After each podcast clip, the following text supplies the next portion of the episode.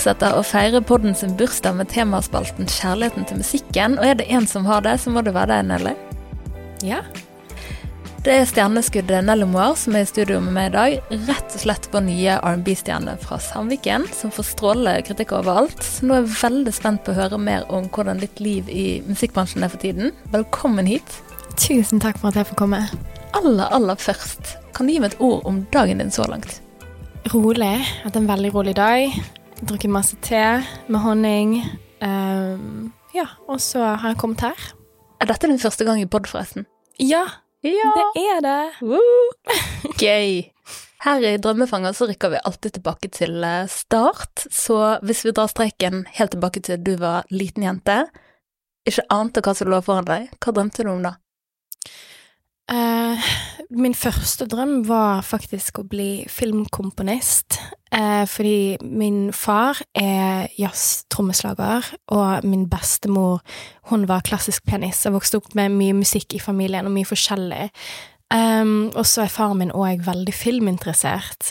Så sånne gamle Hitchcock-filmer gjorde så inntrykk på meg. og Det som alltid gjorde mest inntrykk på meg, det var eh, musikken. Ja. Så det var den opprinnelige drømmen relatert til musikk, da.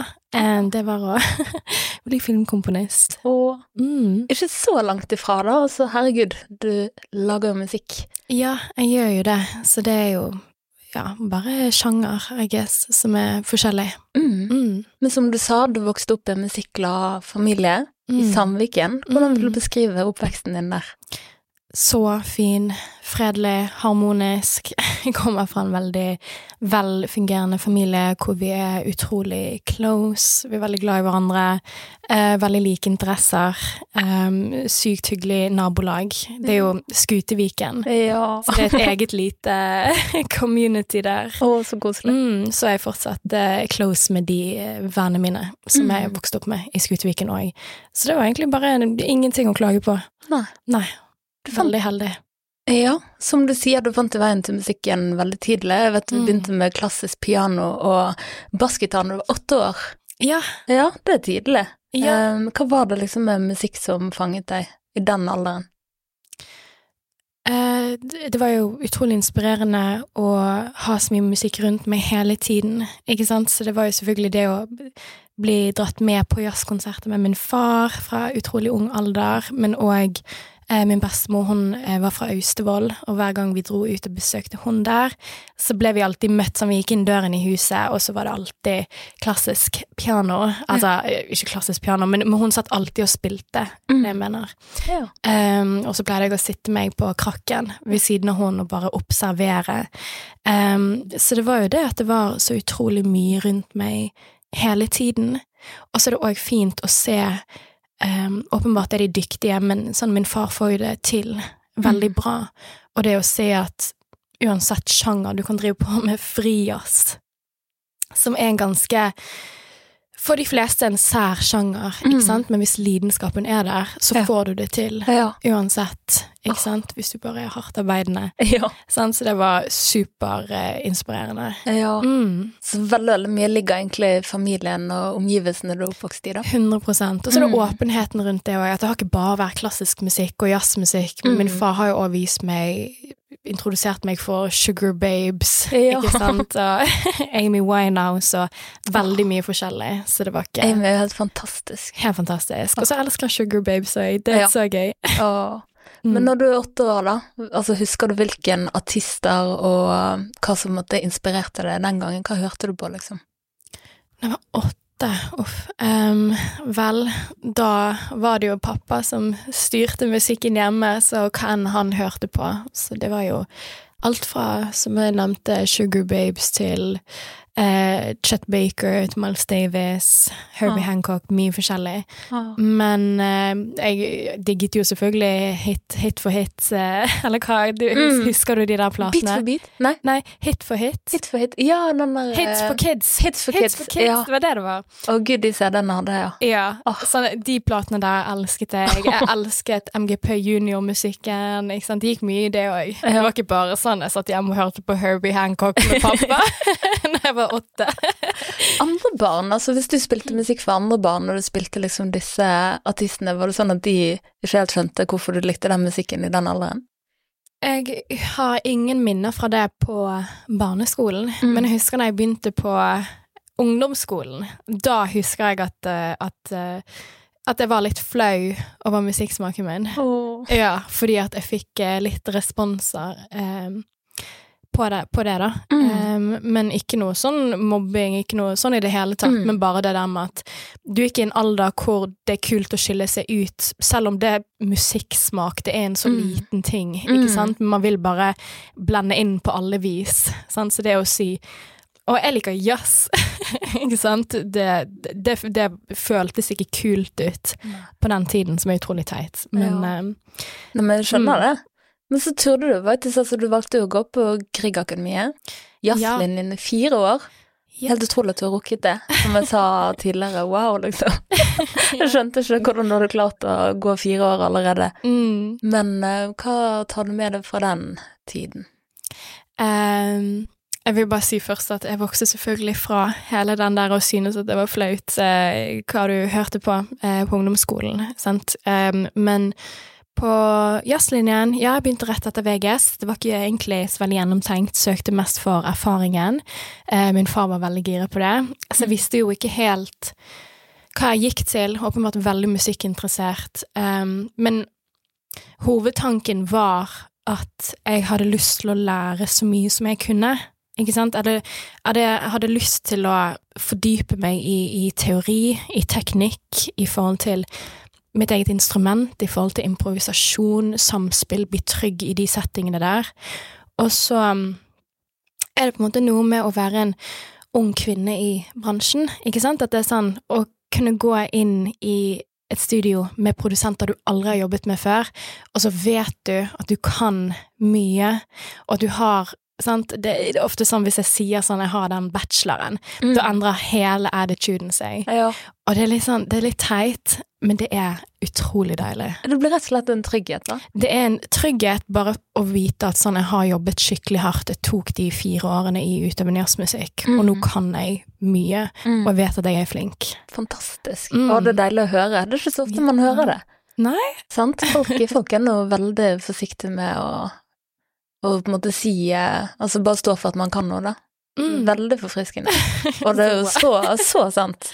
Men uh, fortell meg litt mer om uh, det å på en måte studere musikk, for det i mitt hode så er det helt sånn fjernt, på en måte. Hvordan ser en typisk dag ut på sånn type studie? Altså hvordan, hvordan brekker de ned uh, teorien i timer, holdt jeg på å si.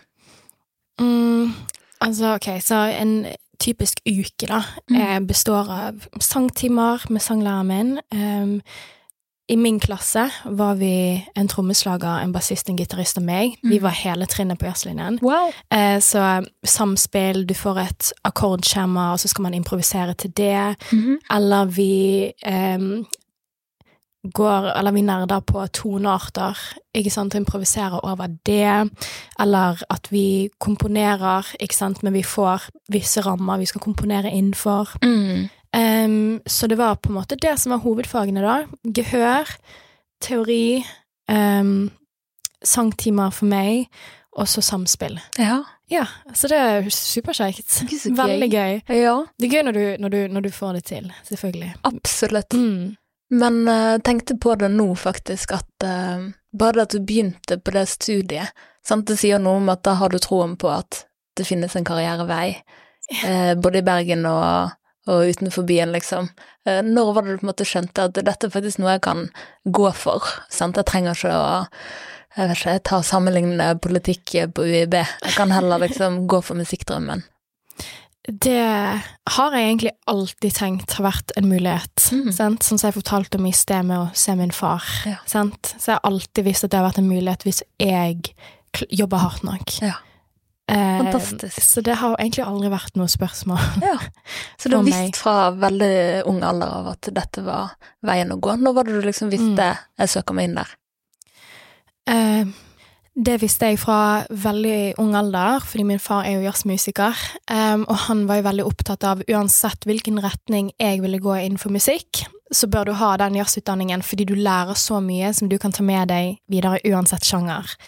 Um, så, det, så det har jeg egentlig alltid visst, i tillegg til at sanglæreren min på musikklinjen på Langøen, hun var òg eller er òg eh, jazzsanger og klassisk sanger, Ja. så hun òg var veldig på at oh. det, det var den retningen jeg skulle gå, da. Men det var jo selvfølgelig et valg jeg tok selv. Mm. Og det, men ja, alltid, alltid visst at det var noe for meg. Utrolig kult. Mm. Hva er det viktigste du tar med deg fra de fire årene på Griegakademiet, vil du si? Det er vanskelig. Det er mye. Det må jo Det åpenbare må jo være alt jeg har lært, sant. Kunnskapen. Ehm, og så, ja Nei, det må egentlig bare være det. Så du Mhm. lærer så mye, og du blir så Mhm. trygg på deg selv som, som sanger, som komponist, bare som musiker generelt. Mm. Og det er veldig, veldig fint. Jeg vet ikke hvordan jeg hadde klart meg i nye sessions med mennesker jeg ikke kjenner, Mm. eller på øvinger med mennesker jeg ikke kjenner, hvis jeg ikke hadde gått de årene. Du, du blir veldig, veldig trygg på dine evner, for du får fordype deg i, Mm. i det, da.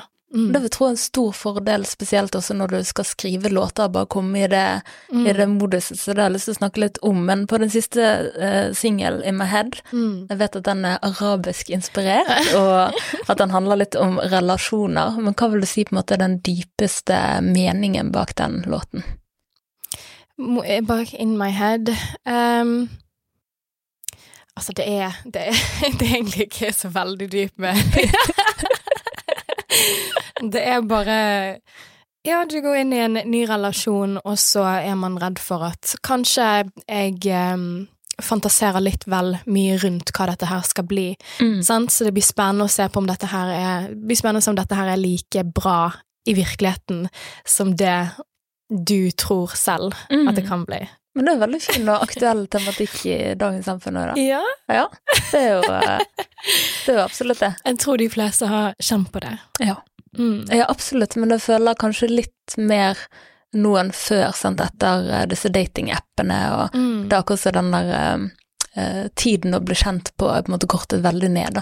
Ja. Så man rekker jo på en måte å lage så mye mer teorier Mm. oppi hodet om hva noe skal utvikle seg til, og så er det, Det er kanskje, kanskje bare en ukeslang relasjon, liksom. Mm. Mm. Absolutt. Men apropos låtskriving, hvordan ser på en måte din låtskrivingsprosess ut? Uh, det Jeg har egentlig ikke noe en, Jeg har ingen fast måte å gjøre det på. Jeg syns det er gøy å skrive med bandet mitt. Jeg syns det er gøy å skrive i studio. Du går inn i studio, du har ingen ideer. Um, de finner fram en beat de har laget, og så vet jeg innen fem sekunder om det er noe jeg har lyst til å skrive til, Ja. eller ikke. Um, jeg er selvfølgelig utrolig glad i å bare skrive alene på rommet mitt, med pianoet mitt. Så det, jeg, jeg syns alt er spennende. Jeg liker å bli utfordret, jeg liker å jobbe med nye mennesker. Jeg liker å lage noe fra bunnen av, jeg liker å legge vokaler på noe som allerede er laget. Ingenting konkret. Nei. Nei. Hmm. Mm. Men, men hva inspirerer deg når du Har du noen sånne typiske ting du inspireres av når du lager musikk? Jeg inspireres Jeg blir veldig inspirert av å høre på um, andres musikk. Um, det er jo på en måte hele grunnen til at man begynner med musikk, ikke sant, Det er fordi at du, du um, opplever så mye, du føler så mye. Sant? Musikk gjør så inntrykk på deg, ikke sant. Så det må jo være det jeg hører nå jeg syns er supervakkert, og så blir jeg så, sånn å Sånn, jeg vil òg Nå må jeg gå og lage noe sånt. Ja. Fantastisk. Nei da, men selvfølgelig òg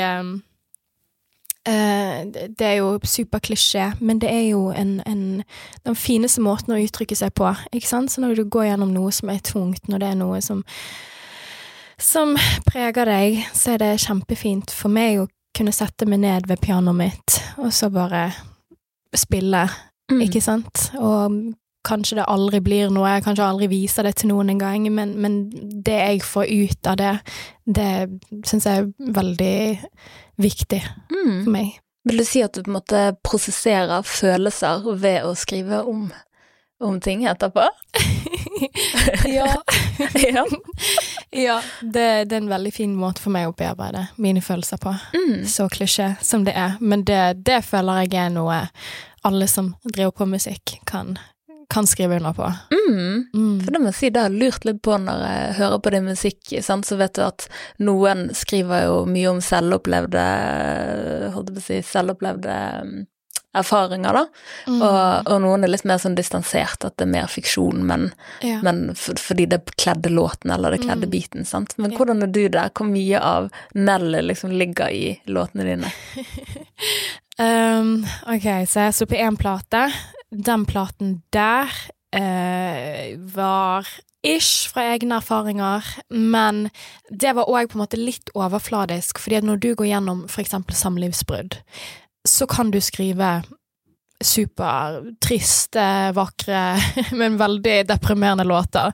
Men på en måte det jeg valgte å gjøre på den tiden, var å heller skrive musikk som hvor jeg står i en shitty situasjon, men nå skal jeg være sånn, ok, men vet du hva?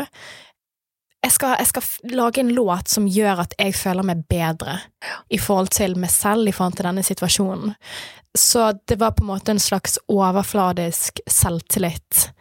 Um, det var iallfall forrige plate. Uh, neste plate blir nok litt mer uh, ektefølt, da. Eller forrige var jo det òg, men på en helt annen måte.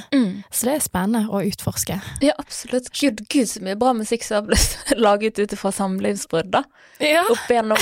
Og, men også det du sier, altså, det er en grunn til at vi trekkes jo mot ulike både sjangre og type musikk ut ifra hvilken sinnsstemning du er i. Og en ting er jo at eh, kanskje én sjanger eh, vet ikke, jeg, caterer mer til en målgruppe eller mer til en viss sinnsstemning. Men så tenker jeg noen Det er kanskje bare energien i låten at hvis du går inn i studio og er heartbroken, så, så vil det på en måte nesten så det bare Da havner det på en frekvens med alle de andre som er er liksom Da finner de veien til den musikken, og de liksom Mm. har det skittig. Ja, ja, ja. Ja. ja. Tror du det? Tror du det er sånn med din musikk? Um, at, mm, at mennesker kjenner på Mm, at de kjenner på en måte følelsene du har gått inn i studio med, da. Uavhengig av på en måte hva innholdet i teksten er.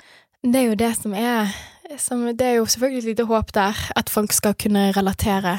Um, jeg tror at uh, Ja, at min, den platen definitivt skulle være oppløftende. Jeg håper virkelig at folk opplever det som Ok, ting er kanskje ikke fantastisk akkurat nå, Mm. men, eh, men eh, det, det går fint, og nå skal jeg Mm. danse, nå skal jeg ha det gøy. Jeg kan le litt av det. Jeg håper det. Jeg, Ja. håper, jeg håper det. Jeg tror det. Ja. Ja.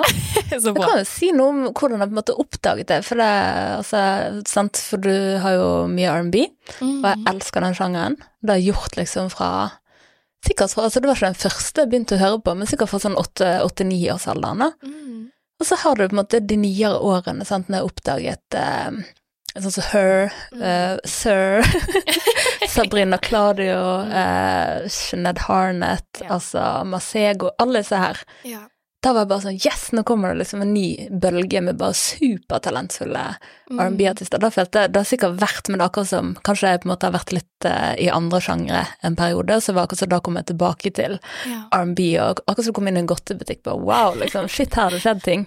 Uh, så tror jeg faktisk det var Girson som delte på ganske tidlig stadie, liksom rett etter du hadde begynt å slippe musikk, Ja. eh, en eller annen låt på sin, eh, vet ikke, My Story eller noe sånt, og så gikk jeg rett inn og hørte på bare shit, nå har vi liksom noen her som er på høyde med, høyde med disse her jeg nevnte i sted. Wow. Det var liksom Det var Da husker jeg ble liksom Shit.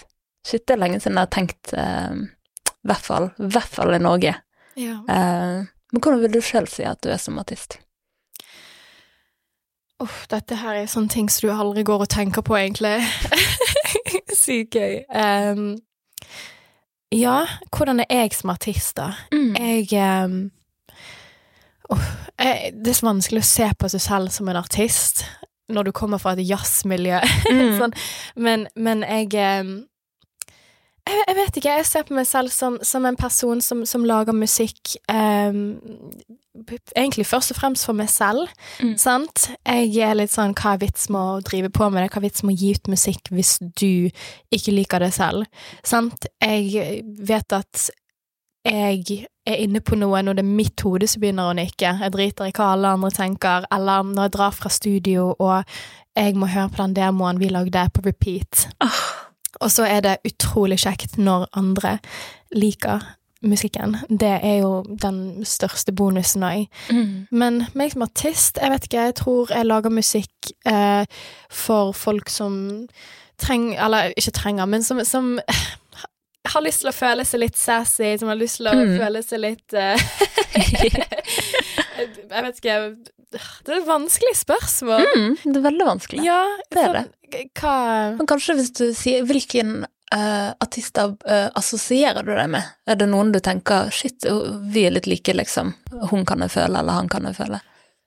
Altså, akkurat det jeg jobber med nå, så Jeg vet ikke, jeg, jeg liker veldig godt Georgia Smith. Mm. Elsker hun. Um, Sabrina Claudio har jo òg Mm. vært en oh. utrolig stor inspirasjon. Ja. Men òg elsker Kitronada Mm. og Erica Badu. Ja. Så mye forskjellig. Åh, Erica. Erica. Da er vi litt uh, back in time også. Ja. oh, det er en legende. Det Mm. var jo så, altså 90-tallet, Mm. tidlig 2000, det var jo så utrolig mye bra som Ja. kom ut i de årene der. for eksempel. Han er jo min favoritt. Ja. Det er ingen, jeg tror nesten det er ingen over.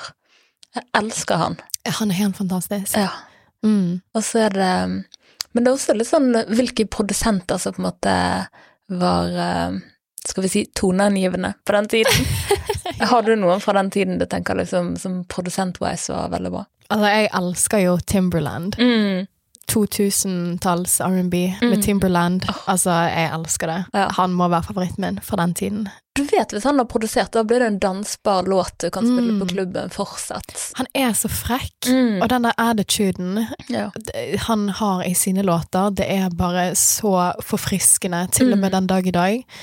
Um, så Nei, så ja. 100% han. Det har vært mye bra Timberland. Jeg husker når eh, han og Nelle Furtado begynte å jobbe sammen. Da var det bare sånn shit, dette kan man danse til. Ja, Ja. det må jo være den mest ikoniske duoen. Mm. Men eh, har du uh, noen favoritter av dine låter? Uh, jeg liker veldig godt Jeg liker veldig godt uh, In My Head og Rather Be Alone. Mm. Og så liker jeg Pussy Boy Ja. og Pickup. jeg Pickup. Jeg elsker pickup. Oh, Mm. så hyggelig. Ja. Jeg liker de fleste av låtene mine. Ja. Det er sånn, Man kommer aldri til å være 100 fornøyd, men man må på en måte bare begynne et sted. Mm. Så du må bare få det ut, starte, Klart. Og se hva som skjer. Ja, det er derfra. liksom noe har ligget og murret innvendig, du har jobbet med noe lenge, og så plutselig så skal du gi det ut, sant, og da er det, Mm. da er det på en måte ut av dine hender, da er det nesten Mm. alle andre sitt. Ja. Hvordan er den følelsen når du på en måte gir det fra deg og, og skal eh, ta Mm. imot eh, responsen på det du har laget? Det er jo selvfølgelig nervepirrende. Um, jeg tror der hadde jeg kanskje en liten fordel, da, i og med at jeg kommer fra det miljøet jeg kommer fra, Mm. og har vokst opp i den familien. Um, sant, åpenbart, i jazzmiljøet så er det ikke viktig å få masse streams og bli lagt til i alle de riktige listene, ikke sant. Det er, sånn, det er jo ingen som tenker sånn når du slipper en frijazzplate. Mm. Ikke sant?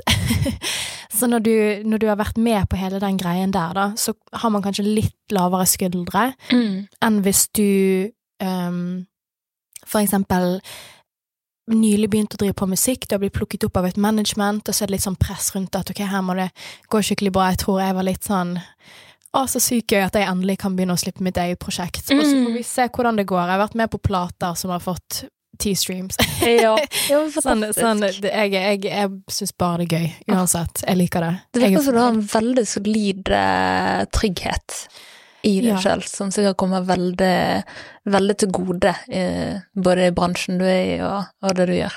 Det setter jeg veldig pris på. Mm. Jeg Ja, nei, jeg, jeg føler meg trygg og bare takknemlig for at jeg får gjøre dette her. Mm. Det er så kjekt, og jeg tror det er viktig å, å ha riktige intensjoner. Og Ja. ja, være litt sånn obs på hvorfor du driver på med musikk. Mm. Hva er dine intensjoner rundt det? Sant. Mm. Har du lyst til å si noe om det? Jeg tror bare at det er mange som Det er, no, det er, no, altså, det er jo desidert mange som egentlig ikke er så musikkinteresserte, som driver på med musikk, og, og som, som eh, har andre intensjoner, og det er helt fair. Selvfølgelig, folk må jo gjøre akkurat som de vil, Mm. men eh, ja. Mm. Ikke meg. Nei nei, Ikke du. Nei, men det er derfor vi sitter her. Sånn. Spalten heter jo 'Kjærligheten til musikken', så jeg har absolutt ja. prøvd å plukke folk der. Ja. Det er veldig tydelig at det er en genuin kjærlighet for musikk. Ja, men det, det setter jeg veldig pris på. Mm. Og jeg tror hvis du har det, så, så bryr du deg ikke så mye om hvor sant? Min drøm er jo bare å kunne gjøre dette her fulltid, og det gjør jeg jo. Mm. Sant? Og da er det sånn Jeg er så fornøyd med, med det, Mm. og så takknemlig. Så, men altså, jeg må bare si at folk som driver på med musikk for hva enn intensjon de har, det går helt fint. Ja. Det plager ikke deg, da? Hæ? Nei, det plager jo ikke deg, da. Nei, nei, Ja. nei, selvfølgelig. Ja. Men disse samarbeidene, for du samarbeider jo med flinke folk, Mm. hvordan er det de har oppstått? Eh, altså vår relasjon. Ja, eller rett og slett samarbeidene i forhold til eh, ja, låtene og Ja. Men også relasjonen, ja. Ja. Absolutt. Eh, nei. ehm, jeg jobber med Kim André Castillo Oen, for eksempel, som Mhm. òg heter Sito. så der ble vi ble introdusert gjennom Girson. Mm. Uh, og siden så har vi egentlig bare jobbet Ja. fast sammen. Han er jo veldig flink. Han er så flink. Ja. Og ja, nei, det er så utrolig fint å ha et så bra vennskap i tillegg, for jeg tror med en Mm. gang man er komfortabel med hverandre på et personlig nivå òg, Mm. det legger til rette for at man jobber mye bedre sammen. Det tror jeg på en måte er standard uansett hvilket yrke man, man jobber i. Absolutt. Men ehm, han, er, han er en utrolig dyktig, bra fyr. Ja, han har jobbet så dedikert. Jeg har hatt gleden av å intervjue han uh, opptil flere ganger, tror jeg, men det begynner å bli mange år siden, sånn fem-seks år siden. Og du har intervjuet Ja, før? ja, ja. Nei, Så han, eh, han har jo jobbet veldig dedikert, men det har han og følger jo med fortsatt, så ser jo det. Så til og med han var på en sånn der uh, type Jeg vet ikke om jeg skal kalle det messe, men han var på et eller annet greie i Barcelona, var det det? Oh, ja, sånn ja. musikk... Uh, ja, ja, ja, ja. Det var han. Da tenkte jeg shit, så kult da, man dedikert når du drar på Ja. sånne ting. Ja. Han er superflink, så Mm. hvis du hører på Uansett hvem du er, gå og følg Kim på Instagram. Ja. Der heter han Sito, sant? Sito. Ja. Hvem andre er det du jobber med for tiden, da? Um, vel, det er hovedsakelig Kim for tiden, men jeg jobber litt med Bjørn Helge Gammelsæter, Mm. um, som bor i Oslo. Eh, Heine Aabe, Oslo. Um, ja. Det, det er litt flere òg, men, Mm. men det er liksom samarbeid som jeg skal begynne nå Ja. fremover med, da. Ja. Så jeg vet ikke om jeg Så det Nei, jeg jobber med Jeg er utrolig heldig med hvem jeg får jobbe med. Mm. Vet du, du er med i Oslo? Jeg er mye i Oslo. Ja, så det blir Mm. mye, det blir mye bybane opp til, opp til Lesland! Ja. My favorite! Så gøy. Og du kommer kanskje til å være der mer òg fremover? Ja, planen er jo å flytte nå i løpet av våren. Så er det en del nå um, i forbindelse med å jobbe med produsenter og spillejobber og sånn, og så Mm. prøver jeg bare å um, etablere nettverket mitt enda mer, sånn Mm. at jeg har noe mer konkret å gå til når jeg først flytter dit. Mm. Så det er planen.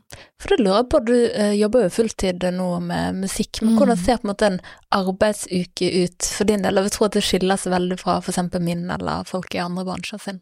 Ja, det er jo det. Det er jo ingen konkret fasit der på hvordan min uke ser ut. Det er mye jobbing i studio. Mm. Eh, det er mye Iallfall dette semesteret, da. Um, har begynt å jobbe med Mathilde Orlien. Mm. Um, hun har et management som heter Lun, Ja. så vi jobber mye sammen. Gjør mye kontor, mye admin. Um, og så er det så tilfeldig. Det er tilfeldige møter, det er øvinger, spillejobber. Mm. Ja. Det er, det, det er aldri kjedelig, i Nei, alle fall. veldig Det står variert, sjeldent stille, men Men ja, nei, det er ikke Jeg har ikke en, eh, en rutine, akkurat. Nei, men du, du røpte jo litt med te og, te og spill om eh, morgenen. Ja, Ja, sant. der har du en rutine, da. Der har jeg en god rutine. Ja. Du nevnte spillejobber, vi skal mer inn på spillejobber, og ikke Mm. minst eh, bransjen du jobber i. Litt inn på musikkindustrien etter spalte. Men først skal vi inn i spalten Pingvin i fryseren. Så take it away, Nelle Moir. Hva fikk deg til å le sist på internett? Det må være noe, jeg vet ikke, noe, noe TikTok-greier. Mm. Kanskje mm. Jeg syns Jedward og Emma Collins er veldig gøy på TikTok. Mm, de kjenner ikke jeg til, faktisk. Hva, hva gjør de på? Um, det er brite... Uh, Jedward. de var med i Eurovision. De, de der to tvillingene med helt hvitt hår som hopper rundt. Nei, ok. Um, ja, det er superteit, Ja. men uh, jeg syns de er veldig gøy. Meg og min søster elsker de. Så kjekt. Hva og hvor drikker du helst på byen? Jeg drikker nesten bare øl, for det er det eneste jeg har råd til. Ja. og så um, Uff, jeg har egentlig ikke noe fast sted. Vi er mye på Legal, Rommet, Kulturhuset, Landmark. Mm. Er jo bra det. Mm. Hva er ditt beste kompliment du kan huske å ha fått? Um, faktisk, sanglæreren min på VGS, uh, før jeg skulle synge jazzlinjen, sa at um, at hun hadde veldig troen på meg, da. Ja. Men hun sa det på en veldig fin måte, og jeg vet ikke, det var bare noe med den samtalen vi hadde, og det hun sa, som gjorde skikkelig inntrykk på meg, og som faktisk gjorde at jeg fikk litt ekstra troen på meg selv. Så gøy. Åh. Hva er det siste du brukte penger på? Kaffe. Ja, du kom jo med, En kaffe. med en takeaway-kaffe. Ja. Ja. Hvem er Bergens beste band? Bergens beste band. Um,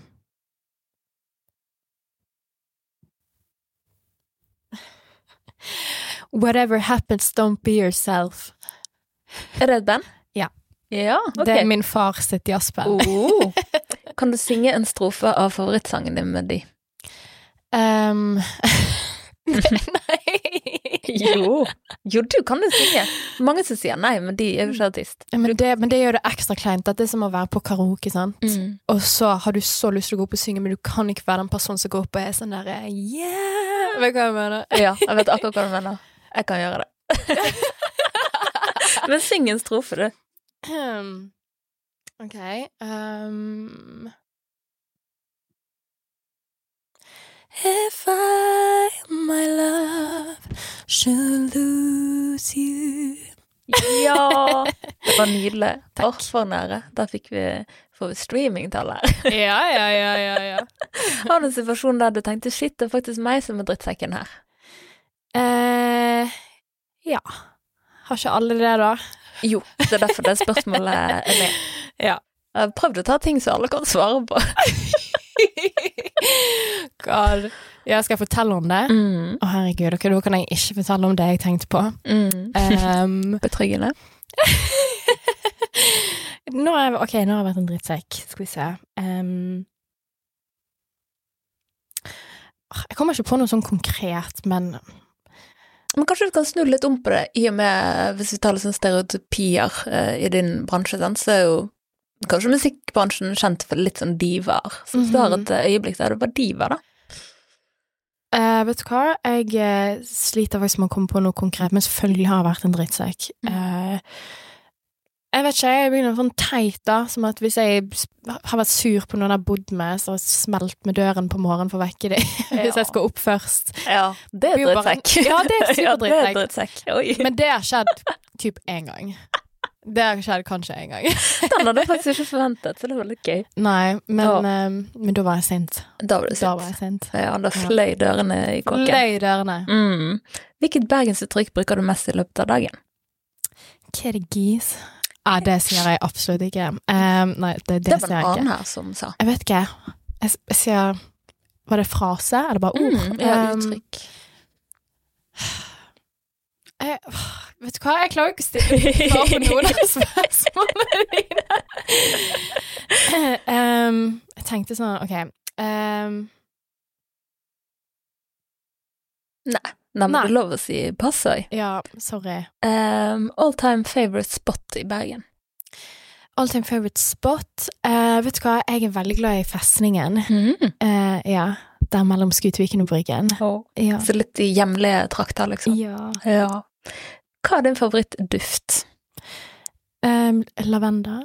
Mm. Lavendel, mener jeg. Så Ja. lavender. Lavender. Ja, men det, det er nå det Jeg tror det skrives Lavender Ja, lavender. Ja, det er sånn det skrives. Ja. Ja. Det, er det sånn du bruker før du skal sove? Har du sånn olje?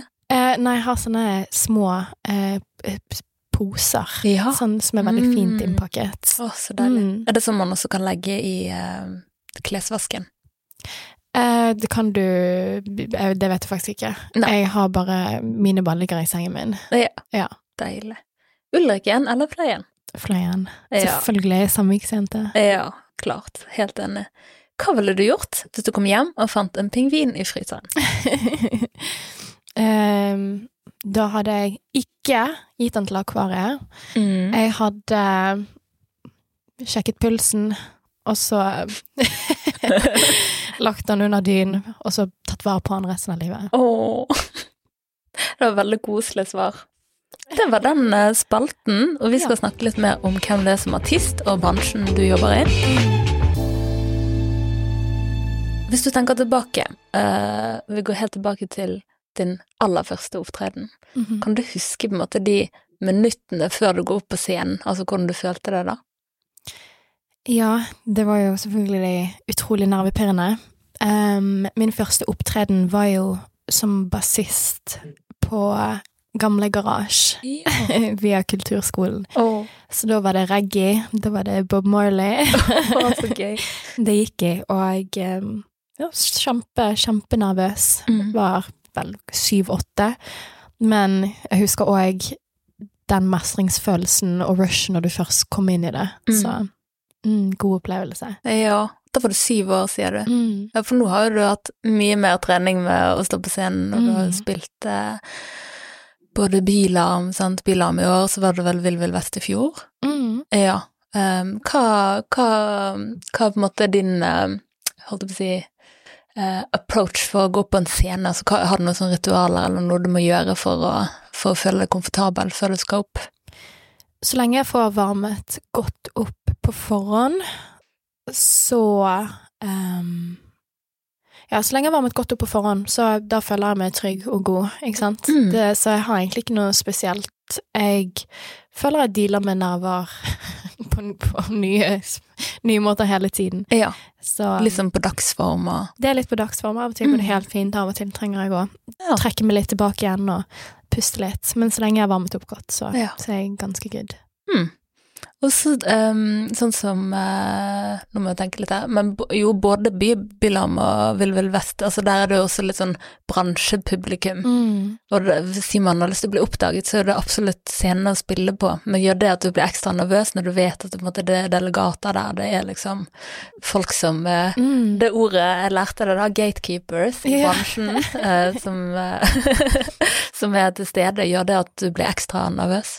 Selvfølgelig. Mm. Jeg tror at det er jo kjempestor forskjell på å spille en konsert, og så står folk, og det ser ut som at de har det gøy, og, sant? og, og er lavere skuldre, ikke sant, for det er supernervepirrende, sant, fordi at de står der som kritikere og skal bedømme deg, og selvfølgelig tar jo det litt ekstra på, Mm. men man er jo på en måte bare takknemlig for at man får muligheten til å Mm. gjøre det, men eh, det er det er skummelt. Ja, Vanskeligere å nyte konsertopplevelsen, sant. på en måte. Men hvordan er du som scenepersonlighet? Er det liksom den ene delen i jobben du liker best, eller er det liksom noe som du bare Det er bare noe som hører med, på en måte? Altså, det blir bedre og bedre. Altså, når, når jeg kun var em, sanger og ikke hadde startet prosjektet mitt ennå, da syntes jeg det var kjempegøy, og når jeg da startet prosjektet mitt, så var jeg sånn åh, den live-greien, null stress. Mm. Herregud, jeg har gjort dette her så lenge. Og så innså jeg bare um, når jeg hadde min første, eh, min første konsert med prosjektet mitt, at jeg har en så stor jobb å gjøre. Mm. Fordi før jeg kunne, jeg kunne sunge i en joggebukse, sett helt forferdelig ut. Mm.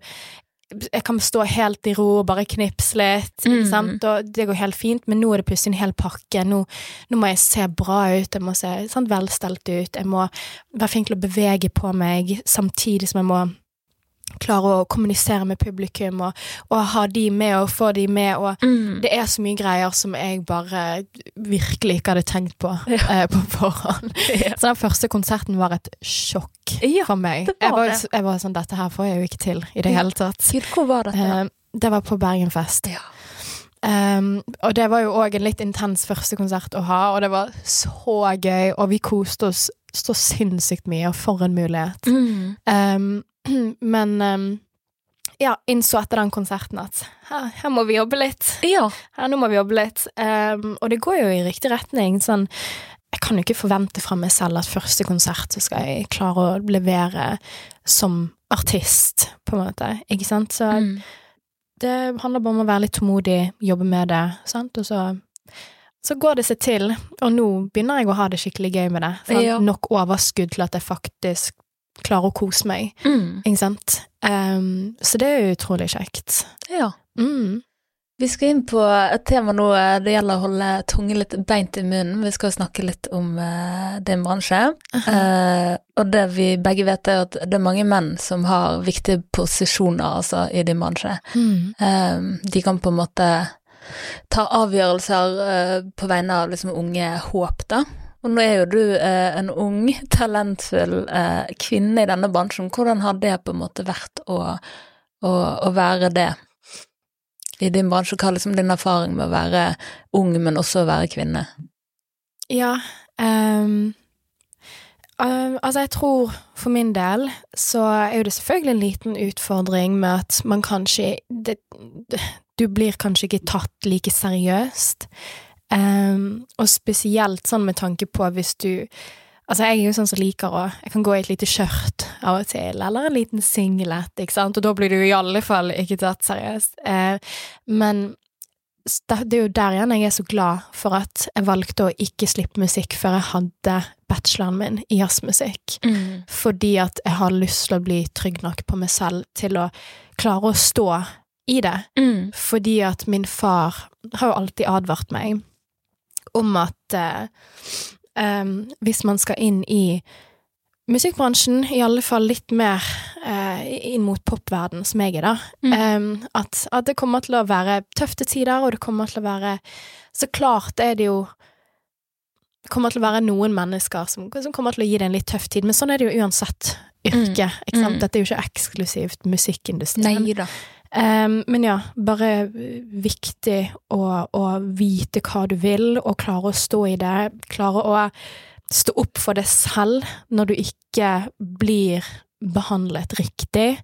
Ikke sant? Ikke la noen fortelle deg at du ikke er flink fordi du går i et skjørt når Mm. du har studert jazzmusikk i fire år. Mm. Det er så feil. Um, så ja, det, det Det kan være tøft, men, men Mm. Jeg vet ikke. Det, er sånn, den maktbalansen måte vi snakker om der.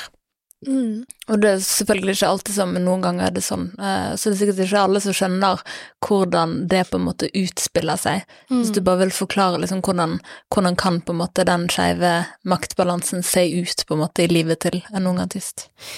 Uh, ja, uh, det kan jo være for eksempel ehm, Hvis jeg kan ta fra egne erfaringer, da, så når jeg var for eksempel 17, hadde ikke startet å skrive musikk seriøst, hadde ingen tanker om å starte artistprosjekt, men så korte jeg med et band, og så ble jeg jo plukket opp av noen produsenter, noen managere, og da blir jo jeg sånn oh shit, dette er sånn etablerte folk, ikke sant, og de er de er liksom 15-20 år eldre enn meg, de er kjempeflinke, og de vil jobbe med meg, ikke Mm.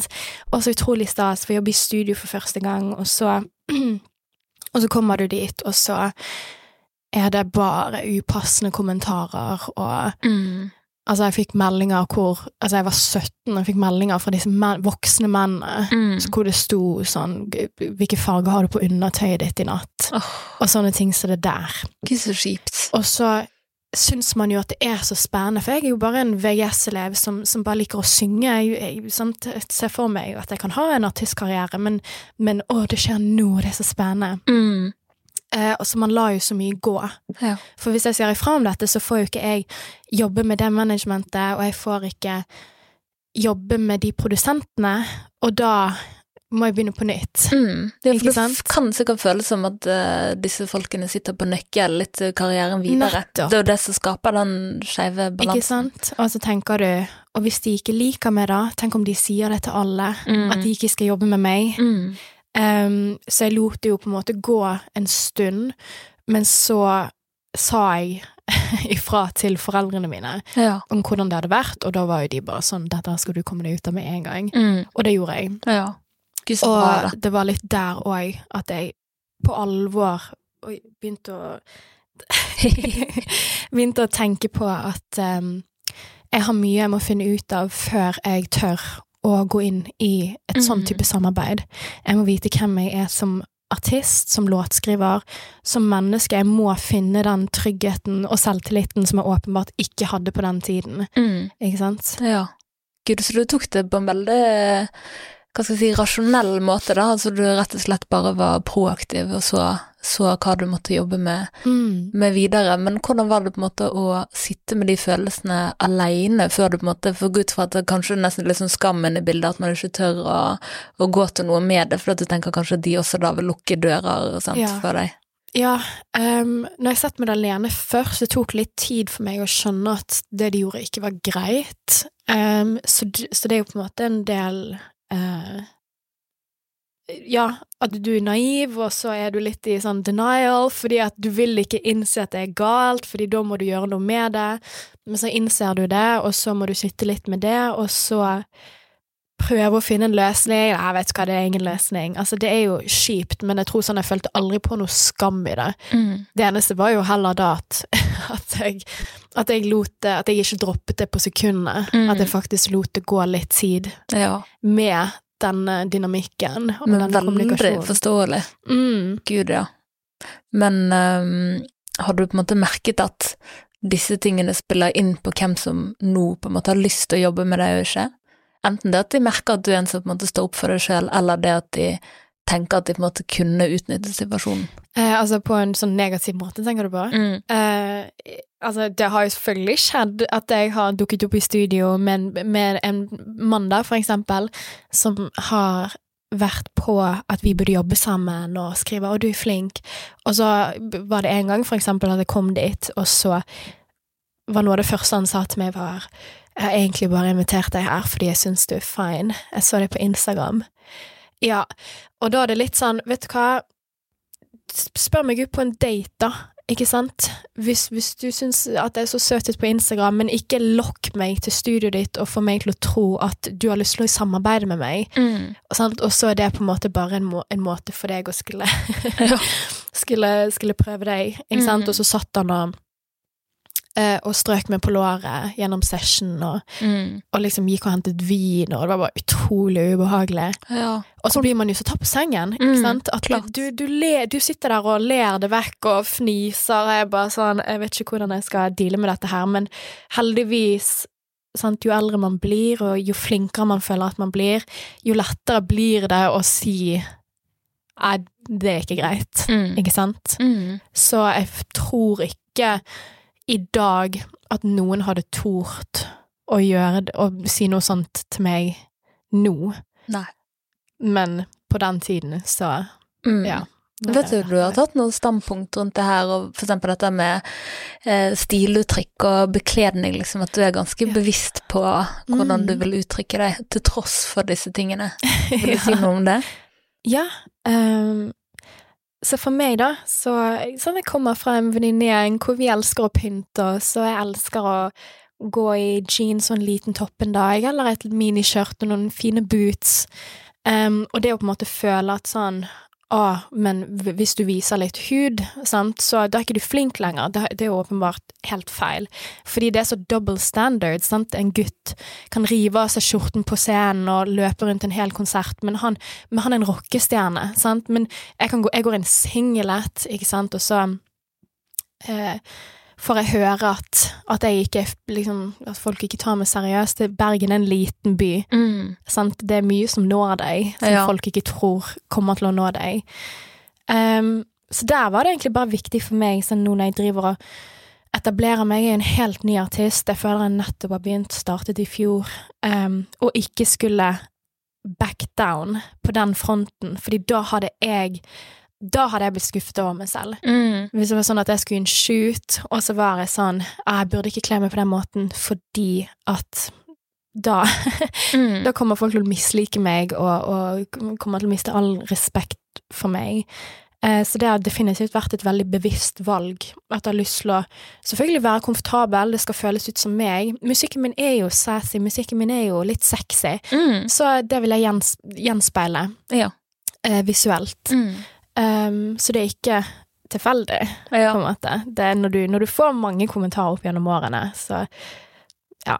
Jeg ville, vil stå i det, rett og slett. Fantastisk at du har Mm. valgt å takle det på den måten, men har du på en måte fått mye feedback på at man ikke blir tatt seriøst med Ja, ja, ja. måten du kler deg på? Mm. Wow. Det er 100%. overraskende, altså. Ja, fra både kvinner og menn. Men selvfølgelig, ting blir jo ikke sagt til meg, Mm. sant. Men som sagt, Bergen er en liten by, så du, det er en liten, liten bransje her. Mm. Så det er mye som når deg, og det er utrolig kjipt. Og, men, men samtidig så Jeg lar det jo ikke prege meg. Altså, folk går gjennom veldig mye verre ting. Folk snakker jo drit hele tiden. Ja. Men bare i forhold til dette her, da, så har jo det gjort at jeg skal Mm. være sånn ok, da skal jeg provosere de enda mer. Mm. Da skal jeg ha en shoot hvor jeg ligger på gulvet i et lite skjørt og en liten topp på. Hva syns dere nå, da? ja, men det er jo empowering, da. Ja, ikke sant, Ja. det er det jeg vil. Jeg, jeg vil jo på en måte at det skal være empowering. Jeg, vil, Mm. jeg tenker jo sånn at alle kvinner og alle menn burde gå med det de vil, og, og, og føle seg selvsikker og trygg, og ikke, ikke føle seg mislikt fordi du går i et lite skjørt. Mm. Det, det er så utrolig teit. Så sant? Jeg, vil være, jeg, jeg vil at mitt prosjekt, jo mer jeg etablerer meg, skal, jeg skal klare å få det frem, Ja. på en måte. Gud, så bra. Mm. Tenker du over at da viser du også til yngre som kommer etter deg, at dette er greit? At man kan kle seg akkurat sånn som man vil, og fortsatt være talentfull? Jeg håper jo det, at, Mm. at det er yngre sangere i Bergen da, Mm. at tenker det, ja. sant? Altså, du kan, du kan være en jazznerd og Mm. fortsatt ville babe deg. Ja. Det går an. Mm. Ja, det, det er superinteressant, og der vil jeg nesten, nesten bare tippe at ehm, Nå må jeg være litt forsiktig her, at ikke det kommer feil ut, da, men at uh, den visuelle profilen som du har, at Mm. da kan, sånn som jeg vet mange tenker, uh, ikke det eksistere samtidig som denne Grieg-bacheloren, sant? Mm.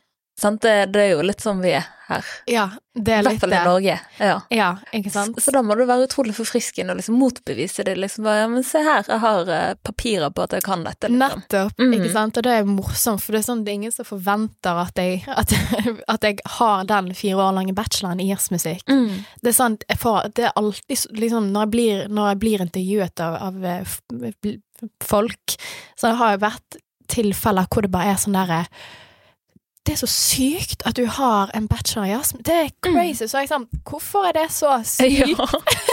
det er ikke så sykt. ja. Ikke sant? ja. Nei, men jeg skjønner, og du, som sagt, du gikk jo også i klasse med mye gutter, sant? Mm. Så det å på en måte være eneste Eneste jente jente. Nå høres det ut som jeg har hengt meg helt opp i dette temaet, så det er et tema som jeg vanligvis ikke ville tatt opp, men det er på en måte interessant Mm. å belyse det litt fra flere ståsteder.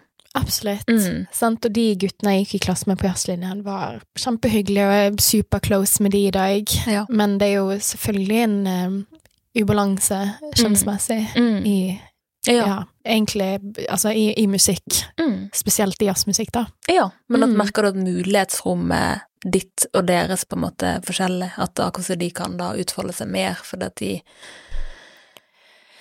Ja eh, det, er, altså, det er jo den der tingen med guttastemning. Selvfølgelig, hvis du går på en, på en linje hvor det er 20 gutter, og du er en av to jenter, sånn som Mm. det var når jeg begynte, så er det litt vanskelig å komme seg inn der, og hvis du ikke kommer deg inn, sant, og du ikke blir spurt om å spille og være med og jamme og alle de tingene der, Mm. fordi du er ikke, du er ikke en av gutta, sant, Mm. men, men det som er tingen er at det gikk seg veldig fort til, og Ja. folk aksepterte meg, men sånn, jeg, jeg spilte jo bass i fire-fem år, mm. Og jeg elsket å spille bass, Syns det var så utrolig gøy. Mm. Eh, og grunnen til at jeg da endte opp med å slutte og begynne med sang, var ikke fordi at jeg ikke var interessert i å spille bass lenger, det var mer fordi at jeg, eh, jeg følte ikke at jeg hadde en plass der. Jeg Mm. var 7, 8, 9, 10, 11.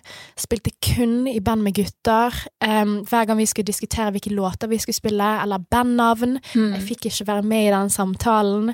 Ikke sant? Og så til slutt, når du er i den alderen, ikke sant, og du vet ikke bedre, så kommer du bare litt frem til ok, kanskje, kanskje det ikke er dette her som er min plass i Mm. musikken. Mm. Og hva gjorde jeg? Jeg sluttet, og så begynte jeg med sang, som er det folk forventer mest fra kvinner hvis en kvinne skal velge et instrument. Mm. Så jeg angrer jo skikkelig på det, at jeg ikke klarte å bare stå i det, og jeg hadde desidert blitt tryggere og tryggere med årene. Mm. Men på den tiden så var det bare veldig logisk. Dette her er ikke for meg. Mm. Jeg tror ikke dette her er instrumentet jeg skal spille. Sånn er det bare. Ja. Vi begynner å synge, vi, istedenfor.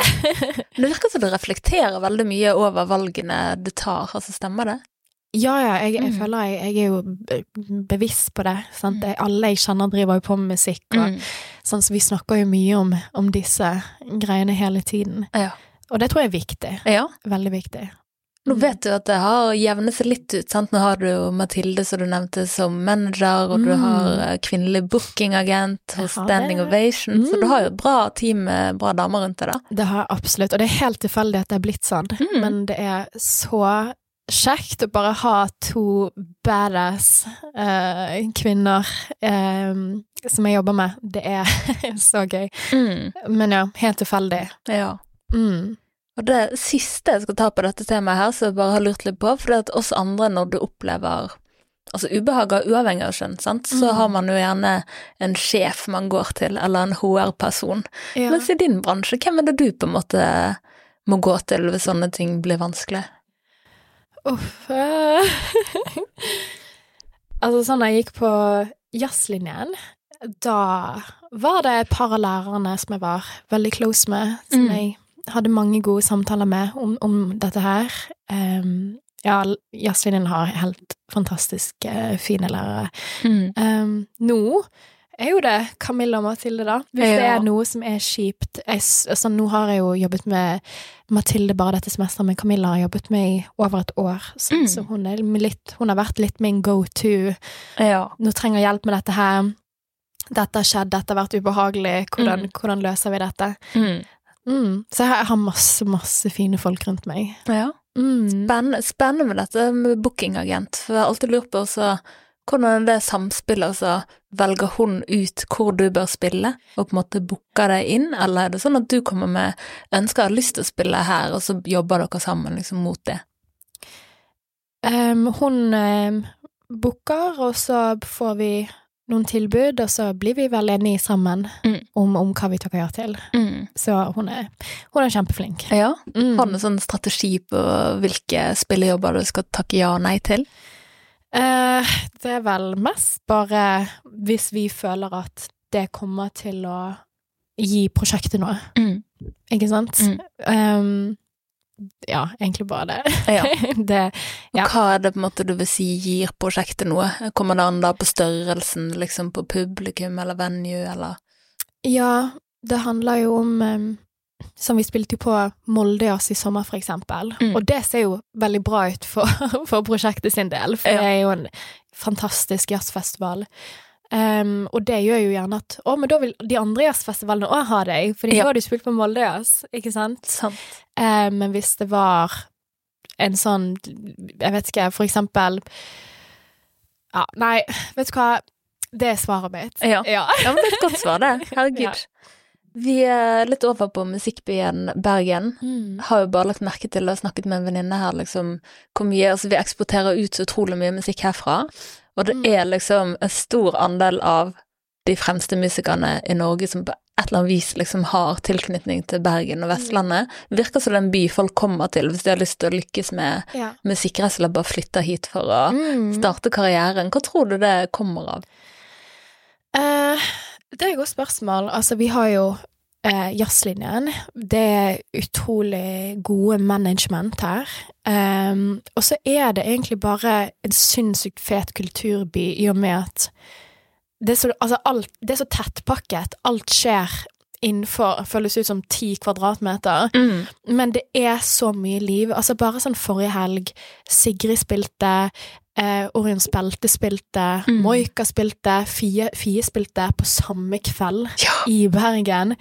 Em, og det er bare så mye liv her. Og det som òg er fett med Bergen, er at det er så mye forskjellig. Det er ikke som at det kun er den sjangeren, Mm. eller de to sjangrene.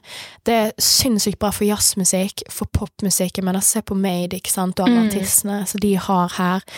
Det er bra for metall, det er bra for klassisk musikk. Mm.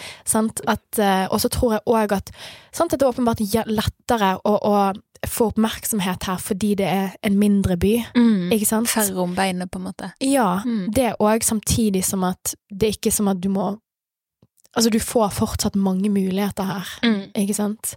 Så um, ja, nei, jeg vil anbefale liksom alle som har lyst til å drive på musikk, til Ja. å starte i Bergen. Ja. Mm. Ja, det er litt av en eh, musikkby, det er helt utrolig. Ja. Sånn som Bergen Live, hvilke store bookinger de klarer å dra Mm. inn til denne kystbyen. Og um, det snakket vi også om at uh, Nå vet jeg ikke om det stemmer, men at uh, Rihanna eksempel hadde sett Coldplay sin konsert her i Bergen Mm. og vært sånn shit, der har jeg også lyst til å spille. Mm. Så jeg har alltid lurt på liksom hva er det med dette publikummet i Bergen som disse store stjernene jakter på? Men så tenker jeg, du har jo opplevd det publikummet. Hva vil du si liksom skiller bergenspublikummet fra andre publikum? Eh, jeg opplever Bergens publikum som veldig åpne. Veldig sånn interesserte, nysgjerrige på ny musikk. Sant? Det er jo når jeg har startet mitt musikkprosjekt, og ingen vet hvem jeg er, så er jo det så utrolig fint å bli godt tatt imot at folk faktisk Sånn som da jeg hadde den debutkonserten min på Magic Mirrors på Bergenfest. Sånn, ingen har jo hørt om meg, men, de, men det var helt fullt, og de Mm. sto der og var nysgjerrige og smilte til meg og var så hyggelige. Ja. Eh, Så jeg følte meg jo så ivaretatt den konserten. Ja. Jeg var jo sånn Jeg skjønner ikke hvorfor jeg får lov til å spille her engang. ja. Eh, så jeg tror kanskje det er det, da. At folk er sånn genuint opptatt og, av musikk Mm. og interesserte. Og Ja. ja, vi er en by som virkelig setter pris på Ja. musikk Mm. og Og også Kultur. nykommere. Jeg føler vi setter veldig pris på liksom ny musikk også. Ja. At det må ikke være de som alltid på en måte har hatt Mm, hva skal man si, stort eh, nedslagsfelt, liksom. absolutt. Jeg er Mm. helt enig. Ja. Men eh, ja, du nevner Magic Mirrors, og hvis det var første, men nå er du veldig scenevant, det kan man jo på en måte se. Begynner å bli eldre. Ja, ja du, du framstår i hvert fall sånn. Så Men tenk på din sjanger, altså R&B er jo ofte kjent for altså det er mye dansing, det er mye koreografier, altså. Akkurat som du på en måte, du må være en pakke, nesten. Mm. Hvordan har det på en måte vært å tilpasse seg det? Er det noe du på en måte Ja. Tar du lett på det, eller, eller har det kommet lett, eller er det noe du liksom har måttet jobbe litt med, og liksom bli komfortabel med alt det andre utenom Mm. sangen? Det er jo på en måte det jeg føler at jeg fortsatt driver og finner litt ut av, da. Sant? Jeg har veldig mine rutiner og sånn måten jeg liker å skrive på, alt det andre, men sånn den live-delen, den ja, den, den må jobbes litt med. Um, og ha det kjempegøy. Jeg har det så gøy med det. Veldig spennende. Og skulle Mhm. prøve å finne ut sånn hva, hva, hva skal være min ting her, ikke sant? Mm. Nå har det handlet mer om å bli komfortabel, om å, om å bare få scenetrening. Um, og det kommer jo seg, som er utrolig gøy. Mm. Um, I forhold til sånn dansing og koreografi og sånn, jeg Mm. tror ikke det er helt for meg. De stjernene som jeg har sett opp til, sånn som Erica Badu og Mm. Georgia Smith og eh, sånn Sabrina Claudio, for Mm. eksempel. De er jo ikke sånne artister som gjør det heller. Nei. Jeg har jo vokst, også vokst opp med, med, med å høre på jazzmusikk. Sarah Vaughan, Miles Davis. Sant? Ingen av mine idoler har hatt den Ja. greien der, da. Um, så når jeg har drømt om å bli artist og starte mitt eget prosjekt, Mm. så har det aldri vært noe som jeg har sett i min visjon. Mm. Så jeg må på en måte bare finne en måte hvor jeg klarer å inkludere og invitere publikum inn i mitt univers. Mm. Hvor jeg eh, klarer å vise at jeg er inne i musikken, og klarer Mm. å bevege på meg på en måte som jeg er komfortabel på, som føles riktig ut for meg. Mm. Men det blir ikke sånn der fullt show med ti backingdansere, og jeg står og twerker med det første, iallfall. Men så er det jo, du sier noe der, sant, det er ikke sikkert at altså musikken, altså takten i musikken Mm. krever heller ikke en voldsom dans, hvis man kan si det sånn da. Nei, Ja. det er jo litt det òg. Så Så- den musikken jeg har skrevet så langt, i alle fall, Mm. legger jo veldig til rette for at jeg bare kan stå og vibe litt. Ja. Sant? Åh, Bare- det er helt magisk når man på en måte er og Gjerne disse sånn som Magic Mirrors og andre litt mer sånn intime scener. Mm. Du får den stemningen. Og Mm. det blir jo veldig sånn levende. Da. Akkurat så Jo mindre du da danser, jo mer klarer du å ta det inn. da. Mm. Mm.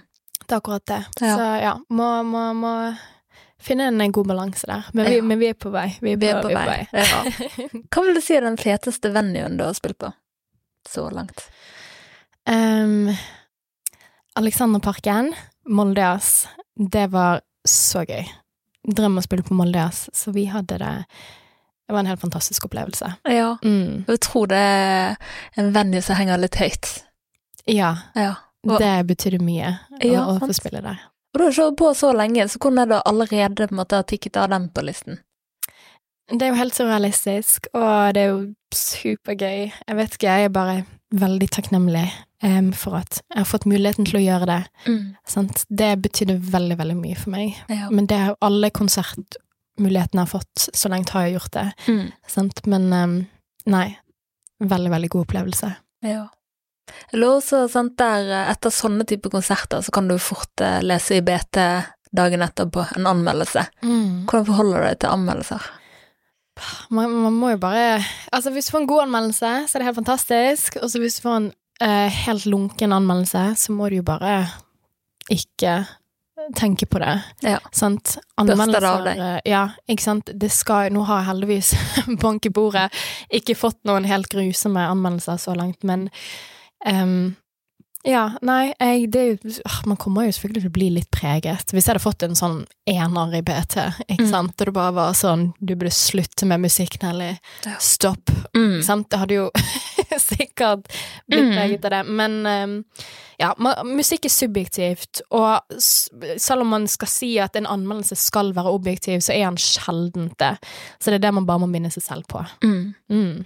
Og så tenker jeg det er bedre å bli skrevet om enn å ikke bli skrevet om i det hele All tatt. PR er god PR, Ja. ikke sant? Absolutt. Mm. Nå er bare litt sånn nysgjerrig på liksom ambisjonsnivået ditt framover. Hvor du på en måte lagt eh, Prøv å følge med fram hvor du på en måte har lagt listen. Har du lyst til å gi ut musikk her eh, i Norge, eller tenker Mm. du å ta verden med storm, eller hva er planene? Akkurat nå så jobber jeg mot å Vi skal begynne å slippe musikk igjen nå tidlig i 2024, og da kommer det en plate. Så det er veldig gøy. Endelig kan jeg begynne å slippe igjen. Det har jeg ventet lenge på. Eh, og så har jeg så klart lyst, lyst til å fortsette å etablere meg eh, i Norge. Kanskje litt mot utlandet, eller iallfall Skandinavia. Mm. Um, og så får vi bare se. Jeg, eh, vi snakket jo litt om ambisjoner i sted. Eh, og jeg em, jeg, jeg har sånne små mål som å sant, Når du har vært på Flesland, å kunne ta en taxi hjem, Ja. og ikke bybad. ikke sant? Eller Ja. på vinteren at du faktisk kan ha på ordentlig varme. ja. Ikke sant? Sånne små ting som det der Ja. er egentlig ganske store ting. Det i mine øyne er livsendrende, ikke sant? Oh, Så bli nok suksessfull. Ja. ja, men jeg tviler ikke på at du kommer til å klare det. Det er jeg helt sikker på. Takk. Faktisk 100 sikker. Så det er bare å glede seg til en varm vinter. En varm vinter, Ja. det er drømmen. Ja. Um, og så, så ja um, En annen drøm er å ha å bli en sånn dommer i Stjernekamp Ah, eller The. Voice eller Det passer jeg, til. altså, jeg sier det selvfølgelig litt på tull, men sånn, men sånn ikke, på, ikke på tull at det er teit, eller noe sånt, men selvfølgelig, nå drømmer jeg jo om å bli artist. Mm. Men sånn når jeg føler meg litt sånn ok, nå skal jeg settle ned, nå har jeg lyst på noe mer fast, noe mer konkret, Ja. da må jo det å være, å være The Voice-dommer. ja. ja, men da har du kledd veldig godt. Tenk så gøy. Ja. Ja. Jeg kan være den eh, jeg kan være den supersnille, Ja. snille, skjønne dommeren. Ja, for man merker den dynamikken de har med sånn good cup, eh, bad cup. De virker som de får tildelt en Mm. slags eh, karakter hver sesong. er Husker du dynamikken med Gunnar Greve og hun Ina Wroldsen? Ja. Det var vittig. Uff, Ja. håper ikke det blir sånn. Så da må jeg bare bli nok suksessfull Ja. til at jeg klarer til at jeg kan bli det. ja. Mm. Og nå er du jo fortsatt inne i tidlig fase i ditt Mm. prosjekt, så Mm. det må vi jo bare tro på. Ja, Garantert. Så da skal vi jobbe mot det. Da jobber vi mot det. Så nå har vi puttet ut i universet. Puttet det Ja. ut på rett og slett live on tape, som Mm. podkast er. Så da håper vi de rette folkene hører på. Ja. Så kanskje det blir en liten dommerjobb på deg. Ja. Ja. Da var vi dessverre kommet til eh, en slutt her eh, for denne samtalen. Veldig kjipt, for det har vært veldig kjekt Mm. å lære litt mer om uh, din jobb, rett og slett, ja. og hvordan du er som person. Så tusen takk for at du ville komme. Tusen takk for at jeg fikk komme. Det har vært utrolig kjekt. Ja, og så må alle følge med da i tidlig, tidlig 2024 Mm. på albumslipp. Singelslipp først, og så kommer album. Så kommer albumet. Mm. Da må alle følge med, og da kan du følge det eksempel på Instagrammen din, sant? Ja. Vil du plugge inn? Følg meg på Instagram, jeg heter Nelly Moar. Følg meg på Spotify òg, Sant? så du kan følge med. Legg henne inn i alle listene, og så kan du også abonnere på Drømmefanger i samme slengen, og gjerne følge oss også på Facebook og Instagram. Tusen takk for at du hørte på, og vi snakkes i neste episode.